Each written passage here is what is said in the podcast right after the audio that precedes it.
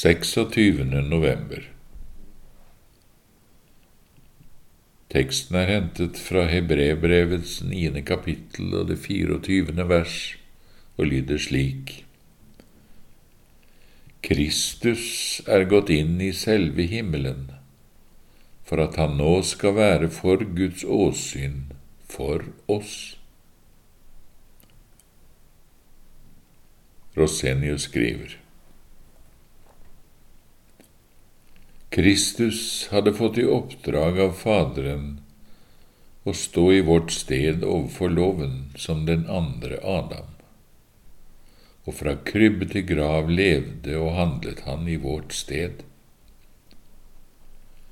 Dette lærer Skriften tydeligere enn noe annet.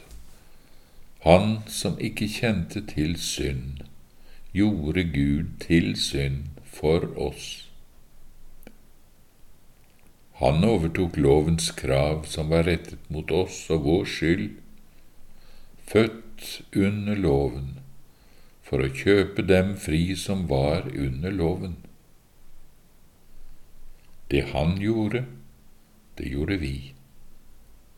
Det han led, det led vi. For vi har gjort det klart for oss når én er død for alle, så har de alle dødd. Etter at hans var oppfylt all rettferdighet i vårt sted, og vi dermed har oppfylt den i ham, vender han med hele himmelens fryderop tilbake dit han var kommet fra. Og hva gjør han nå for oss i himmelen?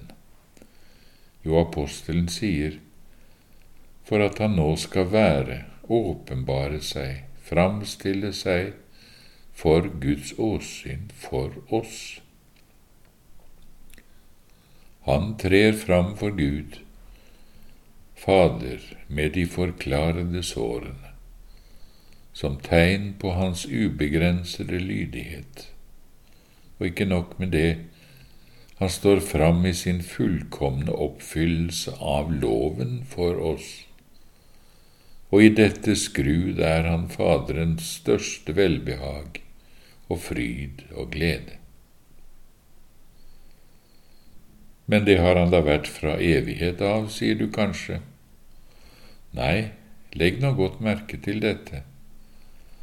Nå er han ikke bare det evige Ordet som var fra begynnelsen hos Gud, men nå er han alt dette som menneskesønnen, som den andre Adam, som sin menneskelige slekts hode og stedfortreder. Han trer ikke bare fram for Faderen i egen person, men han representerer og trer fram for Faderen i sin person med alle sine lemmer. Legg merke til hvordan apostelen taler. Han er for Guds åsyn for oss. For oss. Merk deg dette for oss. På samme måte som vår evige Far en gang så hele menneskeslekten i den første Adam, slik ser han nå alle Kristi lemmer i Kristus alene.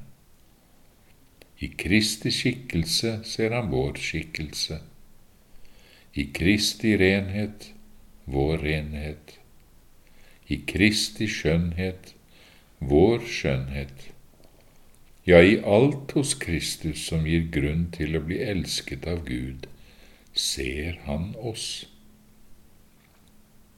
Kristus sier selv, Jeg helliger meg for dem, for at også de skal være helliget i sannhet. Og Paulus sier, I ham har han utvalgt oss før verdens grunnvoll ble lagt for at vi skulle være hellige og ulastelige for Hans åsyn.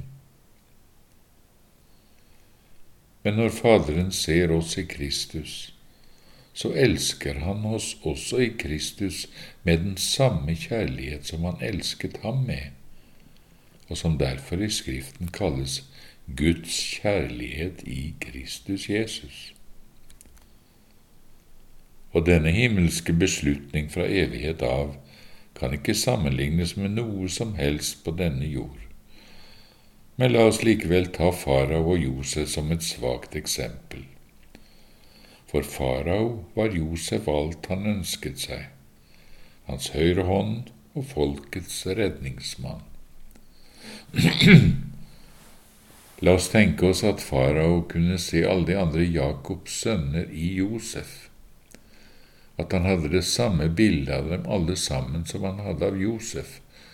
Da elsket han dem selvsagt med samme kjærlighet og satte dem like høyt som Josef, viste dem samme ære og ga dem alle mulige goder som han hadde gitt Josef. Da hadde jo farao sett Ruben og Simeon, Benjamin og de andre i Josef, og de hadde han elsket, og da hadde han elsket dem i Josef, omfavnet dem i Josef. Da hadde Josef representert og trådt fram for kongen på sine brødres vegne. På lignende måte er det Kristus trer fram for Faderen i vårt sted, men med den store forskjellen at vår himmelske Far ikke forsøker å tenke seg vår likhet med Kristus, fordi vi virkelig eier en slik likhet etter den store guddommelige loven om tilregnelsen, og fordi Kristus virkelig var en stedfortreder for oss og har oppfylt all Guds rettferdighetskrav i vårt sted så må ingen her gjøre seg den oppfatningen av saken at Gud liksom ikke vet om at vi fremdeles er urene syndere, for det vet han selvsagt.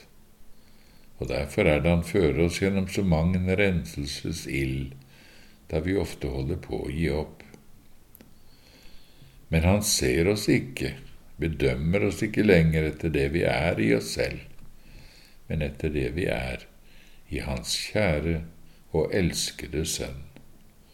Og derfor elsker Han oss mye høyere enn vi kan fatte med vår forstand, på tross av all vår mangfoldige synd og skrøpelighet som plager oss. Mens vi går og tenker vi er de mest forferdelige i Guds øyne, så er vi altså de mest herlige og fullkomne i Hans øyne alt sammen fordi Kristus lever for Guds åsyn, for oss. Så kommer det da bare an på om vi nøyer oss med dette, og ikke vil stå fram for Gud i noe annet enn Kristus. Har du ingen trøst før du selv er blitt hellig? Da er det jo i din egen hellighet du vil stå fram for Gud. Tviler du på om du har Guds vennskap fordi du ikke synes din tro er som den bør være. Da er det jo i din egen tro du vil stå fram for Gud. Tror du at Gud ikke kan elske deg fordi du kjenner deg så tørr og kald i hjertet? Da er det jo i dine egne varme følelser du vil stå fram for Gud. Tror du Gud ville elske deg mer hvis en eller annen egenskap hos deg hadde nådd en større grad av fullkommenhet. Da er det jo i dine egne mer eller mindre gode egenskaper du vil stå framfor Gud. Du vil selv være din ypperste prest. Du vil bli frelst i ditt eget navn og i egen person. Vokt deg for vantroens opprør mot Herrens salvede. Det finnes ikke noe annet navn under himmelen gitt blant mennesker som vi kan bli frelst ved, uten i Jesu Kristi navn.